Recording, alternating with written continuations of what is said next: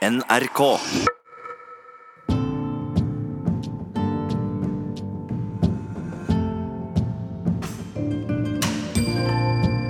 Dette er NRK P2.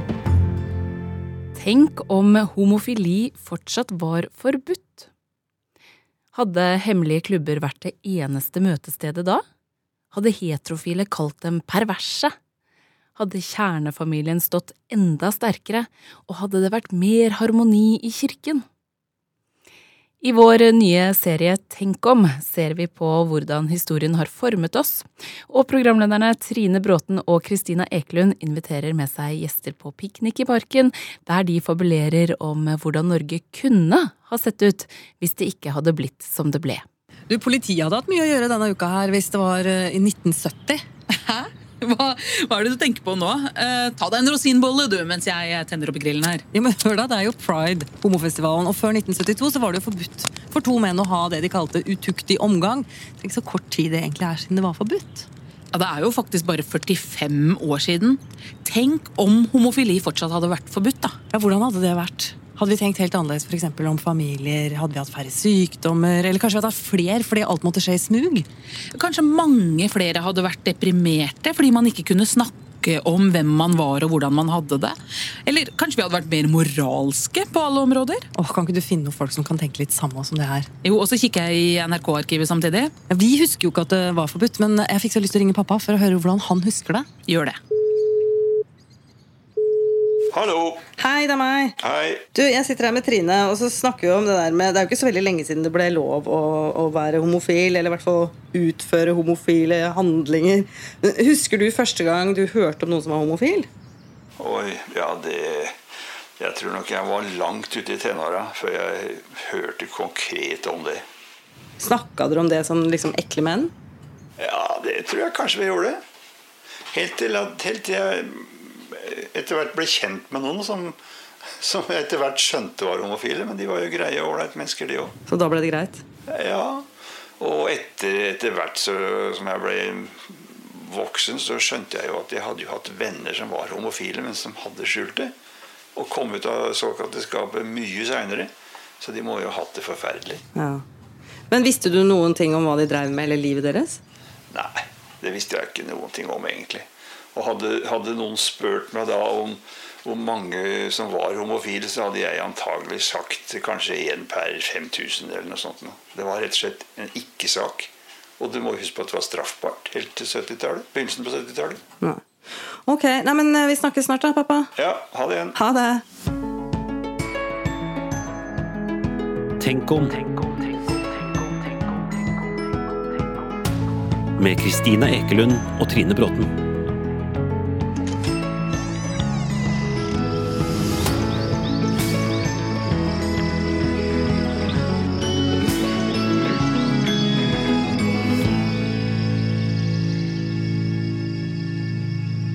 Så man snakka altså ikke noe om det.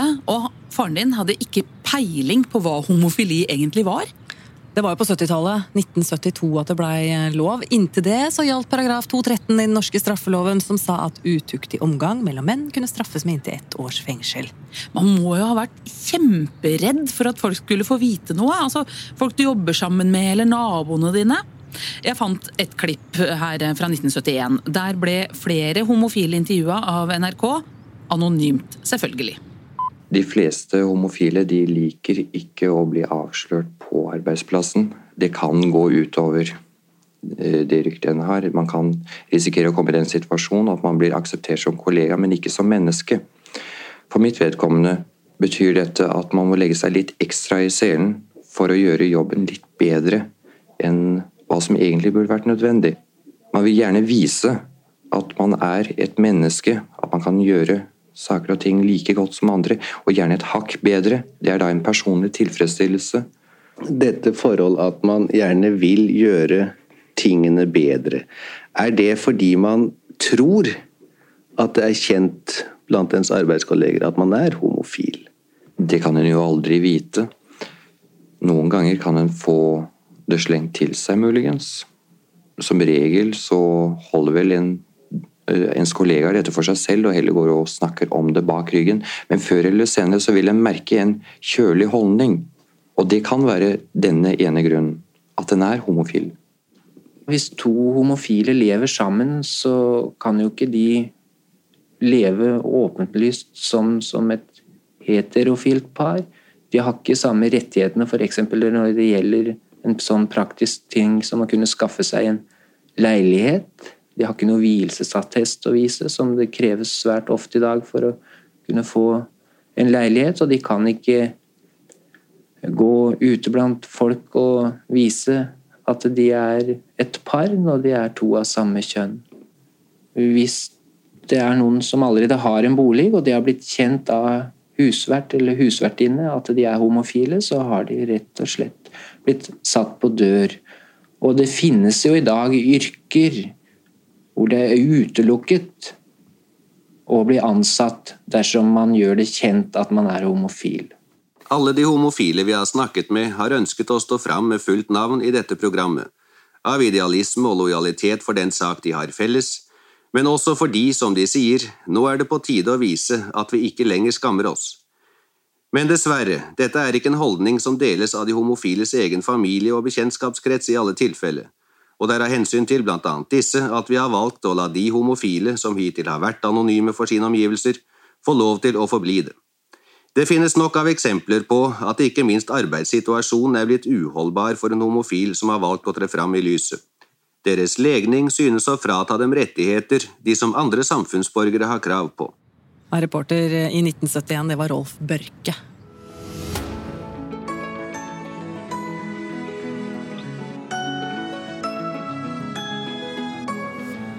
I dag trenger jo homofile heldigvis ikke å være anonyme når de skal snakke på radio. Og vi venter på en av dem som var med i undergrunnsmiljøet på slutten av 60-tallet, for å høre mer med han hvordan det egentlig var. Ja, og Mens vi venter på han, så skal vi snakke med gjengen på teppet ved siden av oss her. Martin Holvik, Henriette Mort og Jon Bråte. Tenk om homofili fortsatt hadde vært forbudt i Norge. Hvordan hadde det vært? Da hadde jeg levd et helt annerledes liv enn det jeg gjør i dag. Jeg er jo homo. Da kunne jeg ikke leid eh, kjæreste på gata. Jeg kunne ikke ha flørta med gutter. Jeg kunne ikke ha vist det offentlig. Så jeg måtte jo levd et liv i skjul. da. Eh, prøvd å gjemme meg. Ikke sagt det til familien, ikke sagt det til venner. For da kunne de angi meg til politiet. Men tror du du hadde vært en rebell hvis det var forbudt, eller hadde du på en måte bare akseptert det?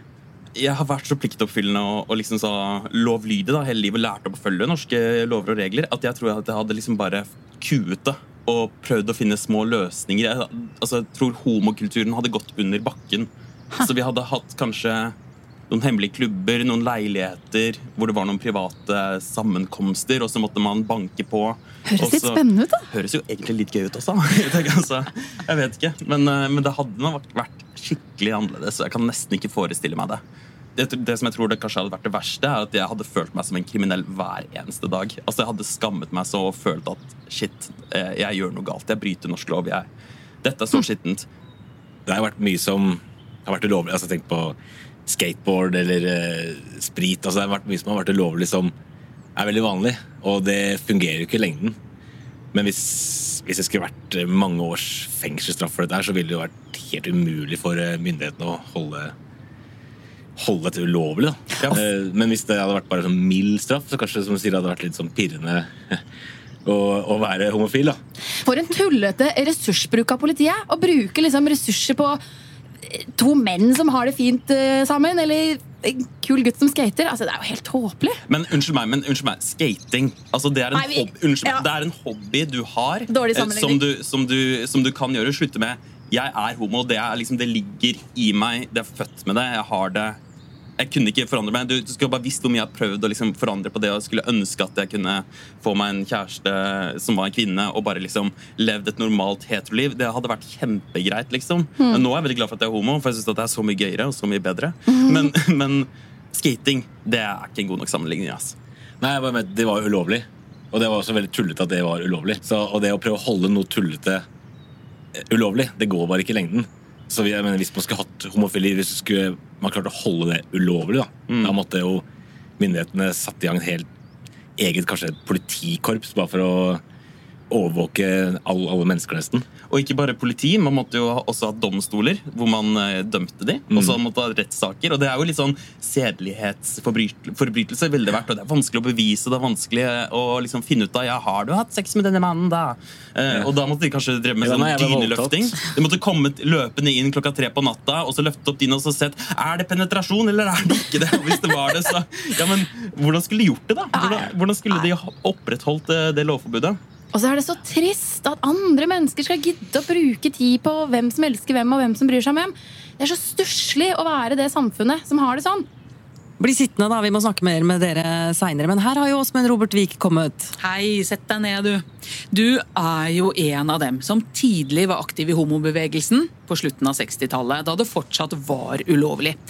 Fortell hvordan de møtene dere hadde da foregikk. Møtene foregikk i stor hemmelighet. Det var én gang om måneden. Og eh, da jeg kom inn i bildet, så var det på eh, Snarøya. I lokalene til eh, Snarøya idrettsklubb.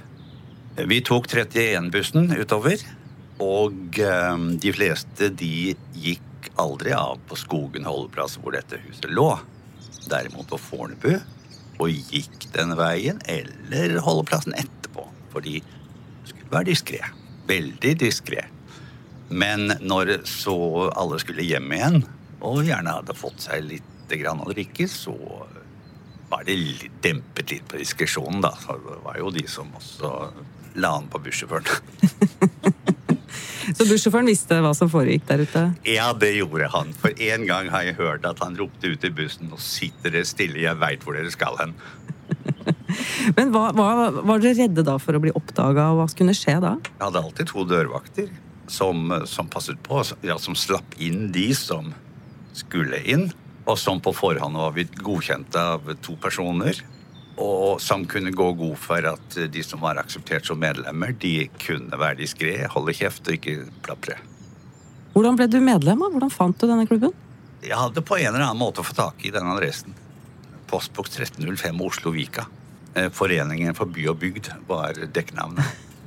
Og medlemmene hadde dekknavn også? ikke sant? Og det var jo Olsen og Hansen og Nilsen og sånn utad.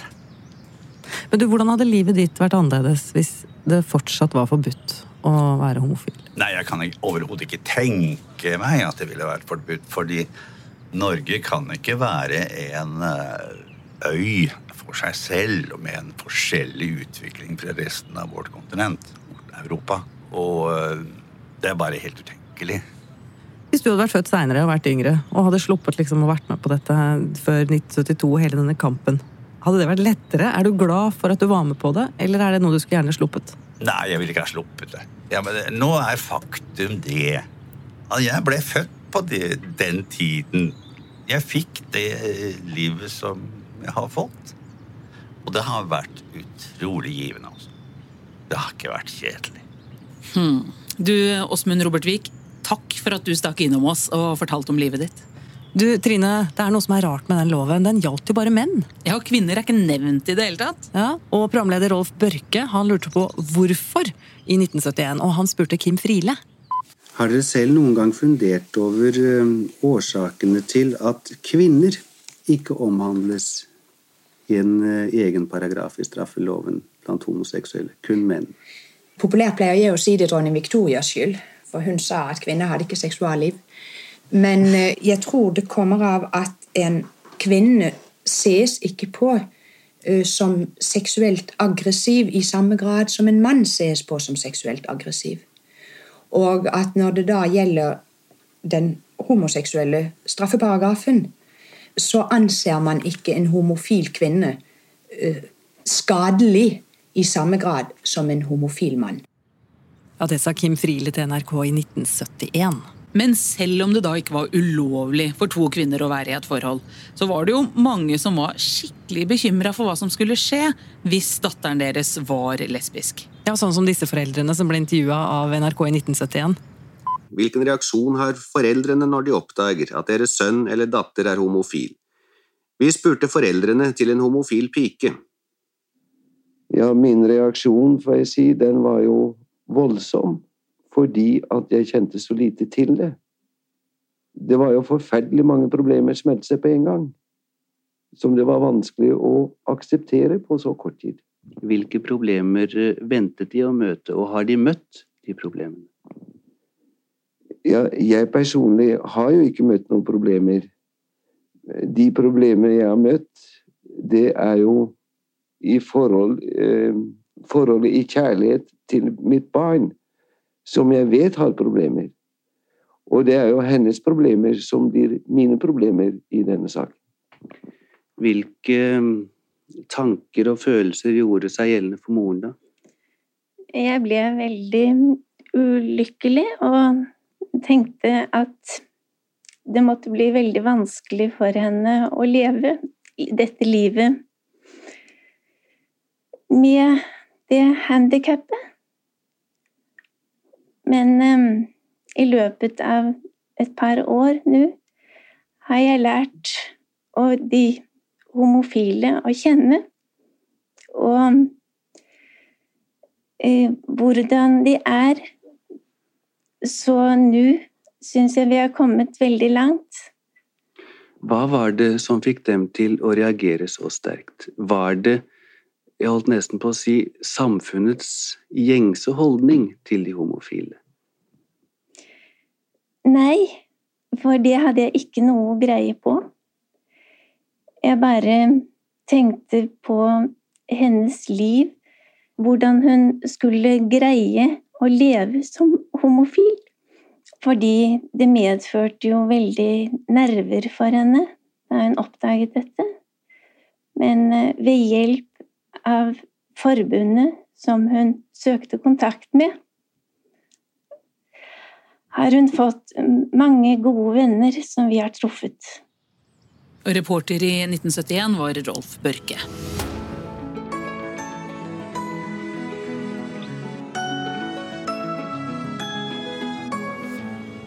Jeg lurer på hva det gjør med et menneske å ikke kunne leve sånn som man er, være den man er. Og fortsatt er det jo folk som lever i skapet, som vi sier. Og de møter du noen ganger på Håkon Aars. Du er jo både lege, psykiater og sexolog, og også homofil. Så aller først, kan du tenke deg hvordan livet ditt hadde vært om homofili fortsatt var forbudt? Det har jeg tenkt over mange ganger. Hvordan hadde livet mitt vært? Ehm, fordi jeg er jo vokst opp i den brytningstiden mellom da det var forbudt og da det ble tillatt. Og hvis det skulle fortsatt være slik at dette var forbudt, så eh, hadde jo jeg gått over fra å leve et liv eh, som, som liksom samfunnet kunne akseptere, og som aksepterte meg, og jeg var et, et eh, holdt på å si 100% menneske, til å gå inn i en tilværelse hvor jeg skulle leve veldig store deler av mitt liv under jorda og faktisk kunne bli straffet for det. Det betyr at i dag kunne jeg jo ikke ha levet sammen med han jeg er glad i. Han jeg er gift med. Han jeg deler alt fra Aftenposten til senga med. Ikke sant? Det er eh, Jeg kunne ikke ha levet ut et eh, verdifullt liv i forhold til, eh, til mine venner. Jeg måtte skjule meg. Kanskje kunne jeg få jeg måtte liksom gå og tenke hvem kan jeg snakke med om dette, og hvem kan jeg ikke snakke med om det. Hvem kan jeg stole på, og hvem kan tyste til politiet og si at han har sex med en annen mann. Eh, altså en million ting som kunne komme inn. Og i tillegg til dette så skulle jeg da eh, sitte og ha en jobb hvor jeg skulle eh, hjelpe andre mennesker både med psykiske og seksuelle problemer. Det ville blitt kjempevanskelig. Jeg kunne ikke hatt den jobben jeg har, tror jeg hvis det hadde vært sånn som det var. Men tror du det er mange som hadde valgt å på en måte være fortsatt i skapet hvis det hadde vært kriminelt? Det tror jeg. Jeg ikke bare tror det, men jeg er helt sikker på det. Fordi hadde det fortsatt vært kriminelt, så, så eh, klart at, at, da er jo folk redde for at noen skal tyste på dem og, og sette de inn eh, Altså melde til politiet, og at de kan bli satt inn. Det, det skjedde jo. Hvordan tror du at det påvirka resten av eh, samfunnet? Folk som ikke var homofile og ikke kjente noen som var det, men allikevel ville vært et annerledes samfunn? Ja, jeg tror at samfunnet hadde vært helt annerledes. Fordi eh, det betyr at man hadde fornektet eh, 3-5% av befolkningen deres eh, rett til å ha en god seksuell helse. Hva gjør det med et menneske da, hvis man ikke får leve ut legningen sin?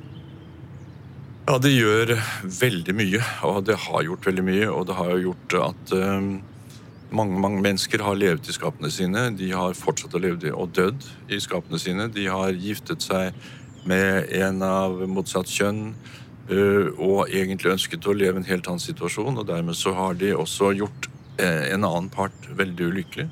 Det er klart at et ekteskap, da, som det den gang var, hvor, hvor var to ulike kjønn. Eh, hvor da den ene er klar over at, at, hans tiltrekning var mot en av samme kjønn. Det er klart at det vil jo ødelegge hele samlivet og seksualiteten i lengden. Og det betyr at det er et menneske, ikke bare et menneske som selv har en annen seksuell legning, men også partner og barna. Og ja, altså det ville vært forferdelig. Mm.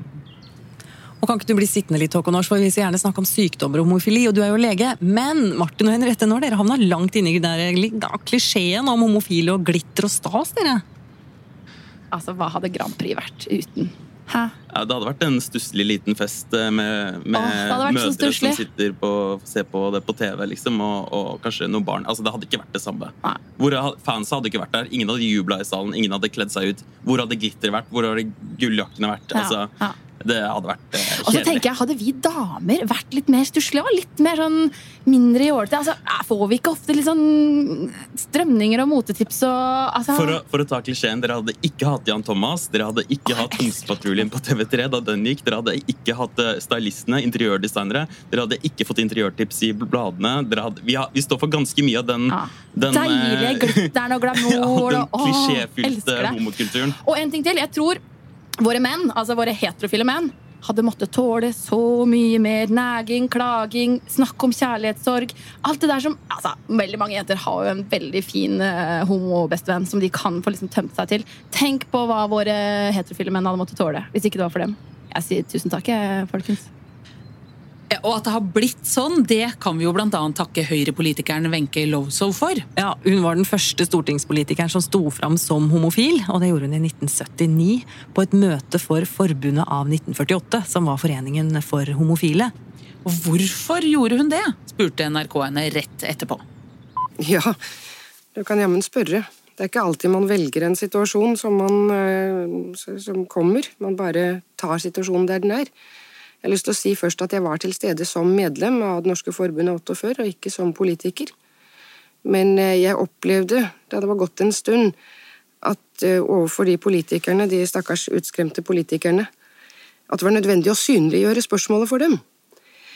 Altså, jo, De fleste av dem kjente jeg fra mange års kommunalt politisk arbeid. Og jeg, jeg følte at på, hvis jeg kunne da stå frem og fortelle dem noe om virkeligheten, så ville de kanskje erkjenne at homofile det er noe man omgås, og man bare vet ikke hvor de er. Og det var det jeg ønsket å synliggjøre for dem. Her er det en som dere kjenner veldig godt, som dere vet hva er for noe. Hvordan reagerte de på dette? Det var en lang debatt, så det var ikke noen sånn direkte reaksjon etterpå. Det, det går ut fra var den vanlige reaksjonen som kommer, at man eh, vel man blir kanskje forbauset, kanskje sjokkert, og så, så tør man ikke si noen ting. Tror du at det får betydning for deg som politiker, dette, at du nå har stått fram som homofil? Det er helt umulig å si, egentlig, men jeg tror det ikke. Jeg kan ikke skjønne at det skulle ha noen, noen betydning, egentlig. Jeg selv er overbevist sånn eh, absolutt høyrehendt, men det finnes en meget stor minoritet som er venstrehendte. Men har det noen betydning for deres, eh, for deres arbeid? Betyr det noe for deres meninger? Altså At jeg tilfeldigvis er homofil og andre tilfeldigvis er heterofile, det har jo ikke noen betydning for ens politiske overbevisning.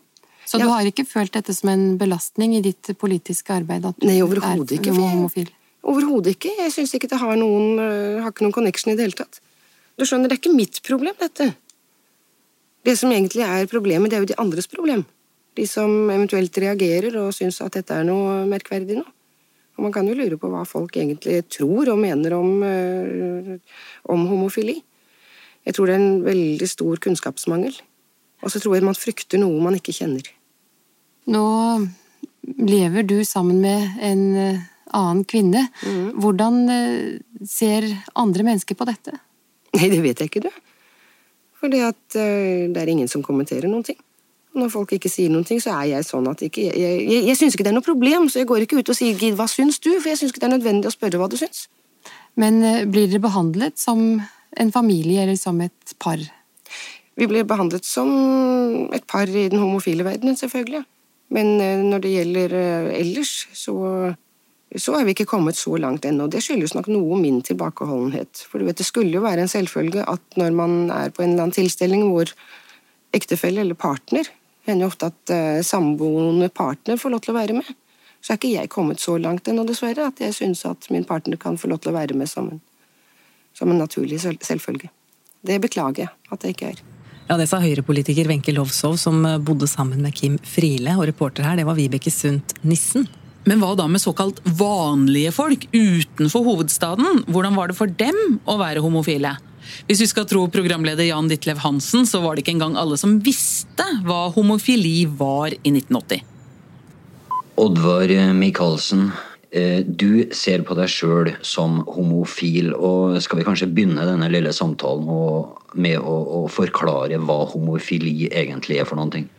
Ja, det er nokså vanskelig å forklare akkurat sånn hva det er.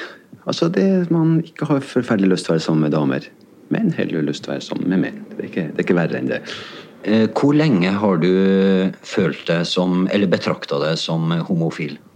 Jeg de siste årene har jeg liksom stått på og sagt ålreit, det er sånn. Man kan godt klare å leve med det. Men før den tid så var det sånn at man ja, jeg hadde vel egentlig visst det, men ville ikke vite det, ville ikke se på det, ville ikke tenke på det. Jeg skulle være som alle de andre. Gifte meg og få barn, og det gjorde jeg også for så vidt i hele tatt ikke være annerledes enn andre folk. Du, når, når, eh, dere da begynte å diskutere dette dere imellom, og du eh, fant ut at du eh, var homofil, fant du det da naturlig å måtte flytte fra Finnmark, eller var det andre ting som kom inn i bildet? Nei, vi hadde jo for så vidt andre grunner også for å flytte nedover. Altså den her Avklaringa med meg den begynte jo allerede på Kiberg, men da vi kom til Troms, vi flytta dit etterpå, så ble jo avklaringa mye større. Jeg måtte ta konsekvensene av, av, av det jeg følte. og sånn, og Det var en jævlig fæl prosess hver igjen. Det var, det var opp, par opphold på Åsgård, og det var verden min ramla bare sammen. Er det vanskelig, tror du, å leve som homofil i et uh, samfunn i Finnmark, et lite fiskevær som Kiberg f.eks.? Ja, jeg tror Ikke pga. folk som bor der, for dem er helt suverene. Men uh, ja, hvis du har reist opp sammen med en samboer, da, så kunne det ha gått an. For jeg tror ikke bygda eller bygdene er mer fordømmende der enn andre plasser. Men det du reiser opp som en homofil som er alene, så vil du få jævla liten kontaktflate nå. Og det blir veldig vanskelig. Og i sånne bygder så kan jo bli akseptert og alt det der, men man vil antagelig også da fortsette å være raringen i bygda.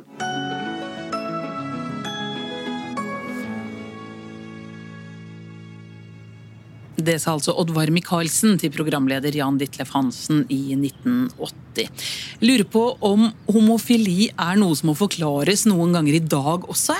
Ja, Da sier vi hei til deg, Bård Nylund. Du har jo skrevet boka Homo sammen med stortingsrepresentant Anette Trettebergstuen, og undertittelen er For deg som er, lurer på om du er, eller har lyst til å bli homo, eller for deg som bare lurer på hvordan disse homogreiene funker. Så Bård, betyr det at homofili må forklares i dag også?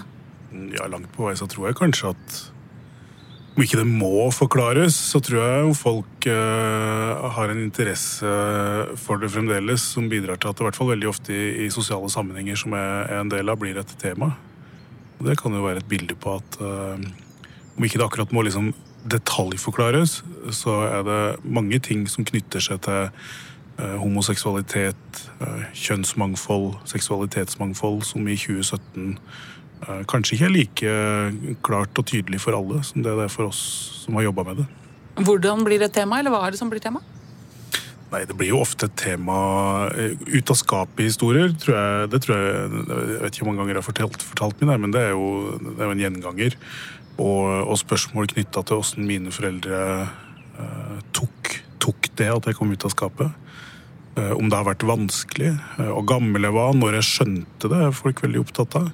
Og når jeg forteller at jeg skjønte det veldig tidlig, så er det sånn at noen ikke helt uh, sånn umiddelbart aksepterer det, og, og, har litt vanskelig for å forstå at det går an å at det går an å kanskje ha en tanke om allerede sånn i fem, seks, sjuårsalderen. Det er jo interessant. Det sier jo noe om, om, om at det fortsatt kanskje for noen da er litt, litt mer eksotisk enn for andre. Hvordan ser du for deg ditt liv og det norske samfunnet hvis det fortsatt var forbudt å være homofil? Hvis det var slik at Norge i dag hadde en kriminaliseringsbestemmelse knytta til homoseksualitet, så hadde Norge sett ganske annerledes ut på veldig mange andre områder òg. For jeg tenker at det har noe med en sånn grunnleggende, et grunnleggende menneskesyn å gjøre. Da. Og jeg tror at graden av likestilling hadde vært helt annerledes enn den er i Norge i dag. Jeg tror kvinners stilling hadde vært helt annerledes. Jeg tror jeg tror det, det, meste hadde vært helt annerledes hvis, hvis, Norge hadde vært et samfunn der det var mulig å ha en uh, straffelovsbestemmelse. Og det til tross for at det bare er 45 år siden vi hadde det. Vi har lyst til å spille et uh, arkivklipp for deg, Bård Nylund, for vi vil snakke om ulike familiekonstellasjoner. Og her er Maria og Bente Lisbeth, som i 1991 var foreldre til Karin på ett og et halvt år. Jeg tror nettopp det kan være en berikelse gjennom det at uh, Karin ved å ha to mødre kommer inn eh, i et miljø som hun ellers ikke ville ha fått i tillegg til det heterofile miljøet. Hun får um, en oversikt over um, andre livsformer og en større mulighet til å utvikle toleranse. Ja, en videre horisont, vil jeg si. Det er klart Karin en gang kan komme til å spørre. Eh, den kommer helt sikkert. Hvem er faren min? Hun kommer, kan også komme til å få problemer i forhold til det, men vi tror ikke at det i seg selv vil kunne føre til et stort problem og en stor aggresjon, så lenge vi kan være omsorgsfulle, gi henne kjærlighet, gi henne en oppvekst, backe henne opp, forklare for henne hvorfor vi har valgt å få barn, og at det tross alt er pga. kjærlighet, og at vi to er to voksne, ressurssterke mennesker som har muligheten, har tenkt bevisst igjennom eh, hvor, hvilken oppvekst og hvilken framtid vi ønsker å gi henne. Det sa altså den ene av lille Karins to mødre til Søndagsavisa i 1991. Programleder her var Anne Kvadsheim. Og Bård Nylund, hadde kjernefamilien med to voksne og to barn vært enda vanligere i dag hvis homofili fortsatt hadde vært forbudt? Ja, det tror jeg nok. Nettopp fordi at det vi snakka om i stad, jeg tror det hadde vært veldig mye trangere rammer for alle. Uh, og da tror jeg at Norge i stor grad sånn på likestillings- og familiepolitikkens område hadde vært uh, uh, likt sånn som det var før 1972, og kanskje enda lenger før det. Og da var det kjernefamilien som gjaldt. Så aleneforeldre for eksempel, kan de liksom takke homofile, tror du? For at det er litt lettere å være aleneforsørger i dag? Jeg tror vi er mange som kan takke hverandre. Jeg tror det er slik at vi har, eh, har, eh, bidratt til hverandres kamper. Og så er det klart at noen gikk foran oss. Kvinnebevegelsen f.eks. gikk foran oss. Og var viktige for at, at det var en åpning for oss å gjøre det vi gjorde. Så jeg tror jo at vi med å liksom utvide det rommet for en familie, og utvide forståelsen av familiebegrepet inneholder, så har vi gjort det bedre for, for alle, tror jeg. da. Så er det klart at det er noen som mener at vi har gjort det dårligere, og det er jo de som mener at våre familier er dårligere enn andre. Og det å, å leve i en uh, familie med mor, far uh, og to eller flere barn, fortrinnsvis av uh, ulikt kjønn, de også. Um, gjerne med en gutt som eldst og en lillesøster. Kanskje er den beste familiekonstellasjonen. De vil nok ikke være enig med meg i at, at den bevegelsen jeg har vært leder for, har bidratt til et samfunn som har blitt bedre for alle. Men hva med debattene vi har rundt surrogati og kunstig befruktning og sånne ting? Hadde de vært et annet sted, tror du? Ja, De hadde jo kanskje ikke eksistert hvis det hadde vært forbudt. Uh, og så er det jo interessant å se at uh, surrogati er nå, er ett område, men, men, assistert befruktning eller kunstig befruktning er jo noe som har foregått i Norge gjennom veldig mange år. Eh, både at folk har eh, ordna det privat, men òg at det har vært eh, i det offentliges regi. Og det som har vært interessant der, er jo å se at det ble først et problem for folk i det øyeblikket to lesbiske kvinner benytta seg av assistert befruktning. Da ble befolkninga veldig opptatt av at barnet skulle kjenne begge sine biologiske foreldre. Mens det var en diskusjon som var helt fraværende i alle de åra som norske par som besto av mann og kvinne, benytta seg av sæddonasjon. Og eh, fikk en unge som jo ikke var fars biologiske barn. Men da var det altså ikke tilløp til den samme diskusjonen om at det var viktig for barn å, å kjenne sitt biologiske opphav. Og det er jo en fortelling om at selvfølgelig så er disse diskusjonene har vært eh, tidligere, og er til dels fortsatt, er jo prega av hvilke holdninger folk har til de av oss som avviker fra det normative. da. Du, jeg tenkte på kirken. Kirken og homofile. Ja, Der har det jo skjedd mye. Men så er det jo også stor forskjell på kirkesamfunn. Ja, Hans Bratterud han var pastor i Oslo fullevangeliske kirke, og han ville ikke at homofile skulle ha lederjobber. Blant annet dette her sa han til NRK i 1983. Eh, jeg har ikke sagt det slik at man må fjerne eh, homofile som, eh, som er i ledende stillinger. Men jeg ba en bønn om at Gud måtte gjøre det, og Gud gjør det gjerne litt mer skånsomt. Dessuten så vil jeg også si at det er ikke Eh, fordi man er homofil at man bør fjernes, men når man åpent står fram og forfekter eh, og roser en synd, at man selv forteller at man eh, ligger under for denne og oppfordrer andre til å gjøre det samme, da mener jeg at man ikke er kvalifisert til å ha en ledende stilling i det norske land. Hva vet du om homofili, egentlig?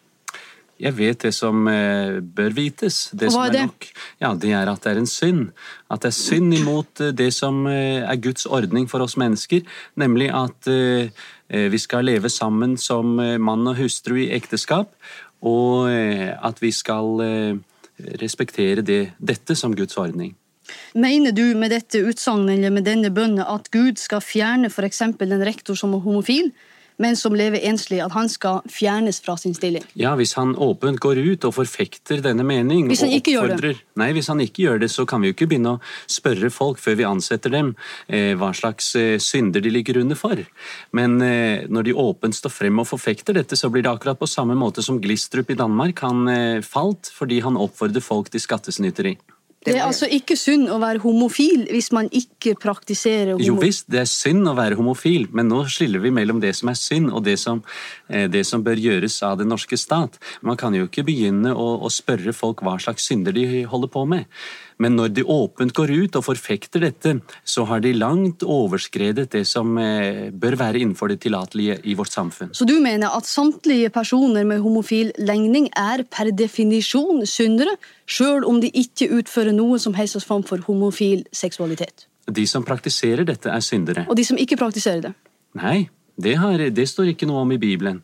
Så de kan inneha sine ledende stillinger? Ja, jeg mener altså det er en løgn å si at en person er per definisjon en homofil. Og dette er en løgn som vi må få bukt med i det norske samfunn. Og det kommer til å skje snart, så kommer folk til å forstå at det går an å bli helbredet ifra denne legningen. Og det har vi mange eksempler på. Du har allerede ganske ettertrykkelig dokumentert at du nå setter deg til doms over andre mennesker og forteller hvilke homofile som er syndere, og hvilke som ikke er det. Nei, nei, det var din tolkning nå. Nå vrei du på det jeg sa. Og, Hvem eh, har det... i det hele tatt gitt deg rett til å sette deg til doms over andre mennesker? Ja, eh, hvem har gitt deg rett holdt jeg på å si, til å vri mine uttalelser, sånn som du nå gjorde? Og eh, Det jeg holder meg til, det er Bibelen, Guds ord. Men jeg vil også si at i det øyeblikk at det er strid mellom Bibelen og norsk lov, så følger jeg Bibelen. Det sa Hans Bratterud til NRK i 1983, og han ble intervjua av Anne Severinsen. Og Sturla Stålseth, du som er eh, professor ved Menighetsfakultetet. Kan du svare på spørsmålet hvorfor er homofili så vanskelig for så mange kristne? Det handler om uh, bibelsteder som er klart uh, avvisende til det som vi i dag leser som homoseksuelle handlinger. Og en bestemt form for bibellesning som har tatt bokstaven for sånn som den leses direkte ut, har ført til fordømmende holdninger fra kirke og fra samfunn. Dette var jo forbudt fram til begynnelsen av 70-tallet, som vi vet. Og i Den norske kirke så var jo et samlet bispemøte beskrev homoseksuelle handlinger som perverse og forkastelige i 1954, og mente man sto overfor en en eh, samfunnsfare av verdens dimensjoner. Så dette har, eh, henger sammen med enkeltstående bibelsteder eh, og en helhetsforståelse av menneskelig seksualitet som har bygd på disse. Ja, men Når det da har blitt lov, så tar man jo ikke Bibelen på alvor, da? eller? Jeg mener man gjør det. At det er disse, den måten å fortolke Bibelen ut fra enkelt steder er mer i strid med Bibelens grunnleggende eh, anerkjennelse av menneskers eh, verd og av kjærlighetens eh, skal vi si, sterke Dens forrang framfor andre holdninger. Og Derfor så er det vært vært altså, alle frihetskamper som har vært kjempet opp gjennom historien. Kvinners likestilling, slavers frihet, forholdet mellom ulike etnisiteter osv. Alt dette har vært kjempet fram gjennom nye fortolkninger, nye lesninger, nye erfaringer og ny kunnskap. Og det gjelder også på dette feltet, og det gjør noe med måten vi leser Bibelen på. Så hvis vi tenker oss at homofili fortsatt hadde vært forbudt, så hadde det vært litt enklere og litt mindre krangling i kirken?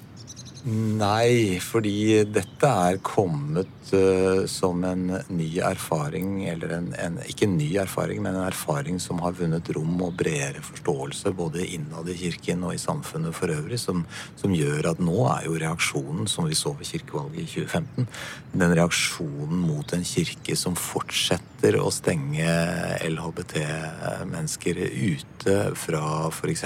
det å gifte seg i kirka, den er så sterk. Eh, at, eh, at, vi ser at folk som selv ikke nødvendigvis eh, direkte er berørt, opplever seg likevel solidariske med LHBT-mennesker, og derfor vil fortsette å kjempe for deres rett i kirken og i samfunnet. Så, så, det er ikke løst ved at man skulle fortsette å stenge en gruppe ute. Men hvis eh, homofili fortsatt hadde vært forbudt, hvordan hadde kirken sett ut i dag da? Hadde den vært mye strengere? Det er nok slik at Kirken hele tiden formes av det samfunnet den er en eh, del av. Og når eh, forbudet ble opphevet, så hjalp vel det også til at eh, Kirken så at den sjøl også hadde et oppgjør å gjøre på, på, hjemmebane. Og hadde ikke den utviklingen skjedd, så er det fare for at også kirka ville være lenger tilbake i, i, forhold til å, å, sørge for frihet og, og likeverd på dette feltet. Du bare før du går, eh, Hva syns du om å høre Hans Bratterud? Nei, det er jo eh, en, eh, en reise i tid. En, på en måte så er jeg glad for at det er få som kunne stå fram og si dette i radioen i dag på denne måten. Og denne forventningen om at nå vil snart alle se at homofili er noe man kan bli helbredet fra, den, den har jo ikke i vårt samfunn slått til. Så det, det er jo forskrekkelig å høre resonnementet. Uh, og det, er, det, gjør meg trist å tenke på at mange uh, andre steder i verden så vil dette være uh, vanlig tale fra kristne ledere fortsatt. Men så gjør det meg glad å tenke på at vi, et, vi har en annen situasjon i kirken, den norske kirken i dag. Vi vil få mange flotte nydelige vigsler i norske kirker denne sommeren eh, av likekjønnede par, og det skal vi feire, for det er en eh, kamp som er vunnet, og det er et rettmessig eh, uttrykk for evangeliet, for Guds kjærlighet i, i vårt samfunn.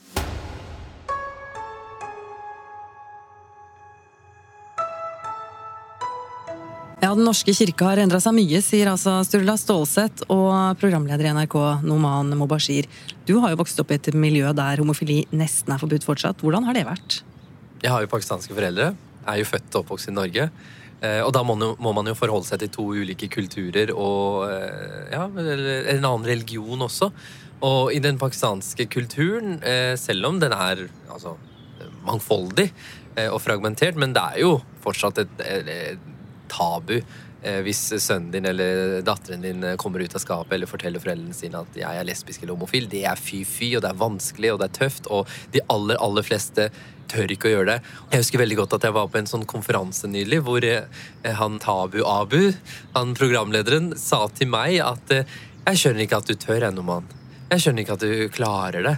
Og det syns jeg er så fascinerende, at mannen som ja, selv har brutt mange tabuer, eh, syns akkurat at det der tabuet jeg brøyt i fjor, da jeg på en måte ja, offisielt da kom ut som homofil etter kongens eh, berømte tale, at det, det, var virkelig tøft av meg. Og det, det hadde ikke han hørt.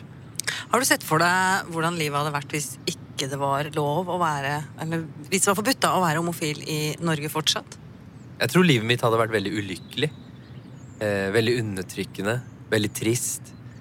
Eh, du hadde levd et falskt liv. Det er dobbeltliv. Nå har jo jeg levd et dobbeltliv sånn delvis, da, så man blir jo veldig flink på det. Og det tror jeg også mange andre med, som er homofile, men ikke tør å være helt åpne, lever, da. Altså, eller gjør. De lever et dobbeltliv. Men hvordan er du flink på det? Man lager historier inni hodet sitt. Man, man har eh, de riktige svarene. Eh, man må gi der og da hvis noen spør ja, du, eh, har du kjæreste. Eller er du gift? Har du barn? Det er ikke så ofte man stiller de spørsmålene i Norge, men i utlandet, i Afrika og Asia, så er det vanlig. Jeg er jo veldig ofte ute og reiser og lager reiseprogram, og da er det vanlig at uh, guider de er ganske direkte. De kan spørre det. So, are you married? Uh, og så sier de uh, no. But why not? You are liksom, you're a grown up. ikke sant? Og da må du ha de klare svarene med en gang. Og ellers så begynner du å lure. Jeg er jo ofte i land hvor homofili er forbudt. Og det er, altså, det er liksom vondt å tenke på når vi er så heldige og bor i Norge, hvor, hvor er, vi har friheter som andre bare kan drømme om. Eh, her kan du være homofil, du kan gå ut på gata og leie en annen mann, men det kan du ikke i Sierra Leone eller i Iran eller i, eh, i Somaliland. Så det derre dobbeltlivet tror jeg veldig mange mennesker i verden lever, og fortsatt noen i Norge, og det er veldig trist. Og du lager deg sånne dekkhistorier da, som du forteller når du er ute og reiser? Ja, ja. Man lager sånne dekkhistorier. Nå skal jeg prøve å gi et eksempel. da. Um, det har jo hendt i Norge at jeg har fått spørsmålet fra noen du ikke kjenner. Ja, eh, eh, er du gift? Eh, nei, eh, jeg er samboer. Å ja. Eh, hva gjør samboeren din? Eh, samboeren min gjør Altså, Jeg sier ikke hun eller han, ikke sant? men jeg bruker da hele tida liksom ordet samboer, og så vrir jeg meg unna å bruke hun eller han. Og det er en prøvelse, en, en, en, en eh, Hva skal jeg si en, eh, en, kunst. Men jeg har fått det til. Men det er vanskelig, og det er slitsomt, og det er deilig å slippe det. Men når jeg er utlandet, i så må jeg tenke på den biten der og ha sånne dekkhistorier klare hele tiden. Tenk om du ikke hadde da stått frem for et års tid siden. Mm. Hvordan hadde du hatt det i dag, tror du?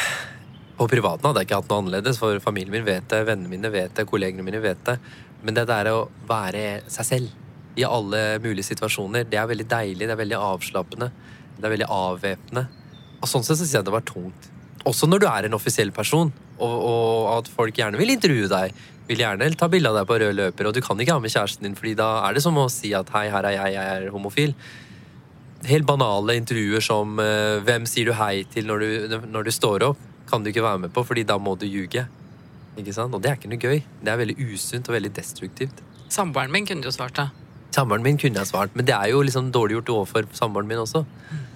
Tenker jeg. Takk skal du ha, Noman Mobashir. Du, så var det disse sykdommene, da. Denne sykdommen som noen jo mente var Guds straff til homofile. Aidsen, tenker du på? Ja, aidsen. Folk ble jo så redde. Veldig, veldig redde. Og reporter Knut Olsen han lagde denne reportasjen i 1986. 3000 mennesker i Norge er i dag smittet av sykdommen aids. 25 er blitt syke. 20 av disse er homofile menn. 19 av dem er i dag døde. Ved nyttår er tallet trolig steget til 40. Jeg mener jeg hadde fått det svart på hvitt etter to tester. Begge var positive. Dette var eh, helt sikkert. Og, og, da satte jeg meg ned og sa nei, dette er ikke meg. ikke sant? Og så satt jeg der, da.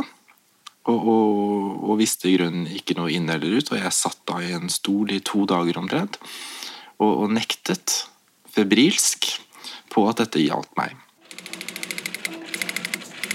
50 000 mennesker her i landet er om tre år i samme situasjon som denne 28-åringen fra Oslo. Smittet av aids-viruset HTLV3. I 1990 er 500 av disse aids syke. Bare i og rundt Oslo vil det om tre år være 30 000 smittebærere. Det tilsvarer befolkningen i en by som Sandefjord. Høyrisikogruppe sprøytenarkomane, men først og fremst menn som har sex med menn. Svein Erik Ekeid. Spesiallege Helsedirektoratet. Fagfelt aids. Vi kan regne med at 35-40 eh, av, eh, av de homofile i hovedstadsområdet vil være smittet. Reporter i 1986 var Knut Olsen. Av sexolog, lege og psykiater Håkon Aars. Det var et voldsomt høyt tall. Man frykta altså at 40% av de homofile i hovedstadsområdet ville være smitta av aids i løpet av noen få år. Tenk om det hadde slått til ja, tenk om det hadde slått til. Gudskjelov gjorde ikke det. Det var jo Jeg satt jo midt oppi det fordi jeg var uh, lege og jobbet med hiv-epidemien. Jeg var en lang periode generalsekretær i Landsforeningen mot aids. som var en svær paraplyorganisasjon som jobbet for å sette forebygging mot hiv-aids og mot stigmatisering og diskriminering på dagsorden. Og jeg var jo selv homofil. Så det er klart at det, den gangen så var man jo Trodde jo veldig mange at dette, selv om man etter hvert hadde funnet ut i 86, hadde man funnet ut at det var jo ikke et virus som smitter som forkjølelse, altså med luftbåren smitte. Det var faktisk et virus som smitter gjennom blod og sæd og skjedevæske, og også til en viss grad gjennom amming. Eh, med andre ord at man skulle man, At det var intimkontakt, og en intimkontakt som i alt vesentlig grad gikk på blod og, og sex. Og det er klart at uh, dermed så ble ikke smittetallene så store som man trodde. Mm. Hvis homofili fortsatt var forbudt, hadde vi da unngått aids? Eh, nei, det, det, det, er ikke slik at um, om man har lover som sier at uh, du ikke kan dele det, så stopper man ikke seksualiteten. Det er jo det som er på en måte seksualitetens hemmelighet og det gode ved at man har seksuell uh, seksualitet, er at den lever videre. Men det er klart, da lever den under jorda. Og det er klart at um, når, når det ble tillatt for å si det sånn. Det var ikke strafferettslig forfølgelse av homofile menn. Det er klart at det gjorde jo at man kunne i mye større grad opplyse og informere om hvordan ta vare på deg, hvordan bruke kondom, hvordan ha sex, hva som var sikrere sex, og hva som var faktisk eh, smittefarlig sex. Og, kunne, og, man, og man kunne snakke med pasientene, med klientene, om dette og hjelpe folk. Og, man, og det var tillatt. ikke sant? Man kunne, og man kunne si til folk at fint, har, du er glad i en av samme kjønn, vær forsiktig og ha sex på den og den måten. Så det, hele forebyggingen av eh, epidemien klart var jo vel hjulpet helt klart av at det ikke lenger var forbudt. Endret eh, aidsen folks syn på homofile? Altså, Det som var greia, og som var på en måte utgangspunktet av dette skjedde, var jo katastrofen fordi man hadde hatt en sånn gay revolution i, i, USA og den vestlige verden i forkant at epidemien kom. Jeg husker jo på slutten av 70-tallet så var det sånn uh, Proud to be gay. ikke sant? I San Francisco gikk man i Castro Street på gatene, og man gikk holdt hverandre hånd, man kysset hverandre åpent, og det samme etter hvert begynte å skje i Europa. Og så plutselig så, som en eh, pasient av meg sa til meg, som jeg virkelig tenkte wow, det er sant Plutselig så, som han sa, så ble min sæd flyttet fra å være noe som var en glede, til å bli en gift. Jeg kunne, Når jeg hadde sex, så kunne jeg gå ut og ta livet av en person. Så klart det, det gjorde jo noe med noe voldsomt med folk. Og den satte jo hele den homofile frigjøringa tilbake. Eh, voldsomt. Og, og, har gjort det, og gjør det fortsatt ennå. Jeg er helt sikker på at det, det, selv om den øvre del av verden i vesentlig grad er den eh, største smitten er heterofil, i, så i hvert fall i den vestlige verden så har den satt den der homofile frigjøringen årtider tilbake. Mm. Og fortsatt gjør det. Martin, Henriette og Jon, vi skal til å pakke sammen piknikkurven vår og gå hjem snart. Men hvis vi bare en siste gang da stiller spørsmålet Tenk om homofili fortsatt var forbudt. Hvordan hadde samfunnet vårt i dag sett ut da? Jeg tenker at Hvis, eh, hvis eh, homofili hadde vært forbudt, så hadde man hatt en veldig stor aleneforening. Altså En forening hvor man tilsynelatende eh, var singel, hvor man ikke hadde fått seg ektefelle, og hvor man kunne kjempe for de singles sak. Og så hadde man kanskje hatt en venn i skjul på si, men det sa man til ingen. Altså, kanskje hadde Aleneforeningen da satt eh, to venner, eh, to menn som kjente hverandre sammen i et hus, og så kunne de bo sammen siden de begge var single, og de hadde aldri funnet seg noen kone. Å, så trist. Og det hadde vært en kanskje stor forening. Um, og det har jo vært en greie. Vi vet jo om mennesker som har liksom bodd sammen uh, som venner hele livet og aldri på en måte kommet seg frem og ut og sagt åpent om hva de er. Ja. Man har jo sine mistanker. Absolutt vi vet jo at homofili og, altså Det har jo alltid eksistert. Det eksisterer jo i, i dyreverdenen overalt. Så det ville ikke blitt slutt på det bare fordi det var ulovlig. Så det, som sier, det ville jo Hvis man ikke skulle slått så hardt ned på det, så ville det jo måtte bare blitt sett på, gjennom fingrene på og man ville hatt sånne ja, klubber eller eh, mennesker som bodde sammen, og som man visste kanskje var eh, homofile. Da. Så det ville vært et sånn rart samfunn hvor man måtte ikke snakke så høyt om ting man så og alle visste. Og som, som det har vært. da. Så jeg syns det er litt vanskelig å tenke i dag med sosiale medier og all åpenhet og klare å tenke på dette. For det er jo som du sier, det var jo sånn i gamle dager og fortsatt i en del land som ligger litt eh, lenger bak oss i utviklinga. Men det går ikke an å tenke på det temaet uten å bare sette, føle at man skal tilbake til gamle dager. Nei. Jeg synes Det går ikke hånd i hånd med dagens teknologi å, å ha det forbudt. Da måtte det vært en sånn superpolitistat i så fall, som bare håndheva det. Jeg ser ikke hvordan det skulle Men man skal heller ikke undervurdere at bare hvis lovteksten var der, så selv om kanskje Sett at politiet ikke gikk og jagde homofile i gatene, og, og de ikke hadde masse eh, strenge straffer for det, så kan det være at bare det vissheten om at dette er i det hele tatt ulovlig, ville ha eh, påført eh, ganske mange en slags sånn eh, ja, en psykisk eh, undertrykkelse eller en psykisk sånn bevissthet om at det du gjør, det du er, det er ulovlig. Hadde jo legitimert mye mer vold mot homofile. Ja. Og gjort det greit å ja, rett og slett ta, gjøre sin samfunnsplikt og, og skade homofile. Ja, det hadde altså vært greit. Guttegjenger som hadde banket opp homofile, ja, det er jo ikke lov, så de, de fortjener jo bare bank. Altså jeg tror Mm. den type I land hvor det er ulovlig å være homofil, så er jo det mye enklere å legitimere vold mot homofile. Og så kommer fjaseguri fra siden her. Vi hadde jo ikke hatt Even og Isak.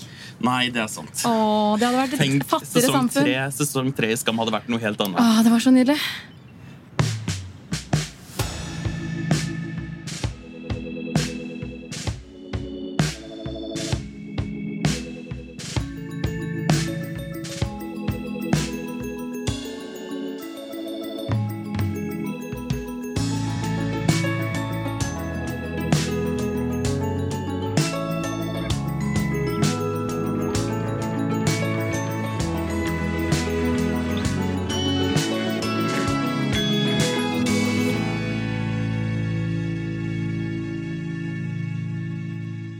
Trine Bråten og Kristina Ekelund var programledere for Tenk om.